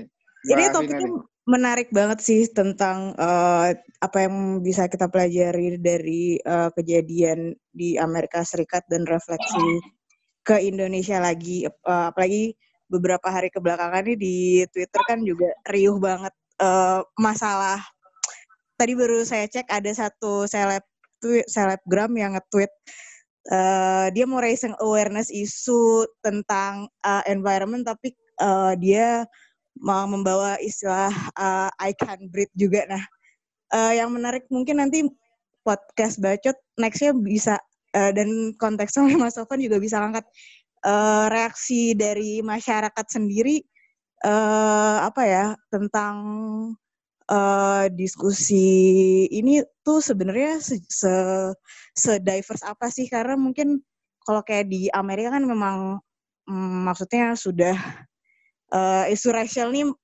akan selalu dan uh, ada terus. Nah, kalau misalnya di Indonesia sendiri di bawah konteksnya misalnya kayak sekarang apa ya ini cuman karena ikut-ikutan uh, lagi happening Amerika terus kemudian uh, orang-orang racing isu Papua dan uh, ternyata nggak nggak segitu uh, apa namanya nggak se uh, apa istilahnya bisa berapa lama sustain uh, perdebatan ini di konteks masyarakat Indonesia itu aja sih dari saya. Kasih. Ya, seberapa lama perbacotan uh, ya, di konteks yang kontekstual. betul, betul, betul, betul. Ya, gimana tetap bisa iklan uh, acara. ya. Gimana nih? Uh, penutup dari mungkin uh, dari Mbak Meske dulu kali ya? Uh, iya, Iya, jadi um, kalau saya personally terlepas dari um, konteks, nggak terlepas dari konteks, tapi uh, untuk mendaratkan gitu ya, karena kan kalau ditarik ke mana-mana ini pasti panjang gitu. Tapi buat saya personal, uh, ini tuh bisa jadi sarana untuk ya refleksi gitu bahwa uh, saya yang tertarik dengan isu diversity, bahkan istilahnya menyuarakan isu diversity di Indonesia, ternyata belum cukup pengetahuan pada saat di apa namanya ada isu Black Lives Matter ini. Jadi buat saya ini adalah ruang untuk saya belajar lagi untuk bisa kenal uh, bahwa isu rasial itu tuh juga banyak ragamnya dan memang secara berkala setiap orang harusnya tuh mengedukasi diri sendiri gitu. Khususnya untuk saya sendiri juga supaya saya bisa lebih efektif dalam menyuarakan ya saya harus belajar lebih banyak. Dan yang kedua adalah uh, bicara tentang tadi tren populis ya mungkin kita juga bisa uh, choose kindness gitu ya karena seperti toleransi banyak levelnya dalam hal ini juga mungkin pengalaman dan exposure teman-teman kita tuh banyak levelnya. Ada yang jangan-jangan karena uh, ramai di sosial media bisa jadi mereka malah tergerak jadi tahu oh ternyata ada isu ini oh ternyata isu ini penting gitu. Jadi juga jangan untuk orang-orang yang baru belajar jangan dihakimi. Terus sehingga mereka jadi wah takut nih nggak kompeten atau uh, takut karena kakak-kakaknya aktivis-aktivisnya ini udah banyak pengalaman gitu. Jadi ya dirangkul aja gitu. Karena dalam hal ini pada saat kita mengadvokasi semua suara itu penting gitu. Dan mungkin ya ya saat ini stage-nya itu masih di awal tapi siapa tahu gitu dengan exposure yang diterima lebih banyak pada akhirnya mungkin akan lahir penggerak-penggerak yang lebih efektif dan lebih kuat karena lagi-lagi interaksinya itu didapatkan secara pengalaman pribadi gitu. Jadi ada dua hal, yang pertama mengedukasi diri terus, yang kedua ya choose kindness gitu. Hmm. hmm. Menarik, choose kindness dan edukasi selalu mengedukasi diri bahwa uh, uh, keberagaman itu penting gitu. Mas Willy, monggo silakan. Ya kalau saya kalau saya refleksinya yang pertama ya ratio voice itu penting sekarang. Jadi uh, kita perlu peka, tapi bagaimana respon kita terhadap isu-isu sosial yang ada di sekitar kita, ya paling tidak kita bersuara, bukan cuma dia. Jadi uh, seperti yang direfleksikan di Amerika, banyak orang turun ke jalan karena mereka ingin bersuara dan mereka ingin menyuarakan dan mereka ingin uh, pemerintah ataupun institusi tempat mereka sekolah misalnya bersuara terhadap itu. Jadi saya rasa yang pertama yang perlu kita refleksikan dari apa yang terjadi di Amerika itu jangan ragu untuk menyuarakan. Jadi bersuara itu penting menurut saya. Bersuara bukan hanya bersuara politik, menyumbangkan suara kita, tapi bersuara terhadap isu-isu yang relevan ataupun isu-isu yang kita anggap kita mampu untuk menyuarakan. Misalkan Mbak Miska menyuarakan tentang toleransi, Mas Angga menyuarakan tentang kebijakan publik dan lain sebagainya. Jadi isu yang kita anggap kita mampu, kita harus suarakan. Lalu yang kedua, itu adalah jangan menelan mentah-mentah apa yang terjadi di Amerika, merefleksikan dengan Papua. Ataupun merefleksikan dengan isu rasial yang ada di di Indonesia. Karena seperti saya bilang tadi historinya itu panjang. Amerika sudah mau sudah bicara tentang segregasi sebelum kita merdeka. Amerika ngomongin tentang isu rasial bahkan sebelum Papua masuk ke Indonesia. Jadi uh, yang pertama ada ada instrumen sejarah yang harus kita bukan bukan cuma luruskan tapi harus kita sepakati bersama bahwa instrumen itu yang kita pegang. Uh, kita merefleksikan dari Amerika ketika Amerika menuliskan tentang sejarahnya itu mereka sangat sangat rigid sekali sangat rigid dan sangat sangat sangat rapi. Jarang sekali kita lihat orang yang berbeda pendapat. Misalkan sekarang kayak isu di Papua mereka berbeda pendapat uh, waktu itu kenapa Papua masuk ke Indonesia? Kan itu suara yang sering disuarakan sekarang. Kenapa kita nggak diberikan kesempatan yang sama kita masuk Papua atau enggak, kenapa kita enggak diajakkan jajak pendapat lagi. Jadi eh, ketika kita menelan mentah-mentah apa yang terjadi di sini, di Amerika, dan kita refleksikan di Indonesia, akan jauh sekali refleksinya. Jadi ketika kita ingin merefleksikan ke Indonesia, uh, analisis atau atau uh, poin yang kita bicarakan di diskusi ini tadi sangat menarik. Jadi apa itu akar masalahnya, bagaimana respon pemerintah atau respon masyarakatnya, terus yang ketiga bagaimana uh, kita merefleksikan dengan apa yang kita alami sekarang dengan uh, konteks yang ada di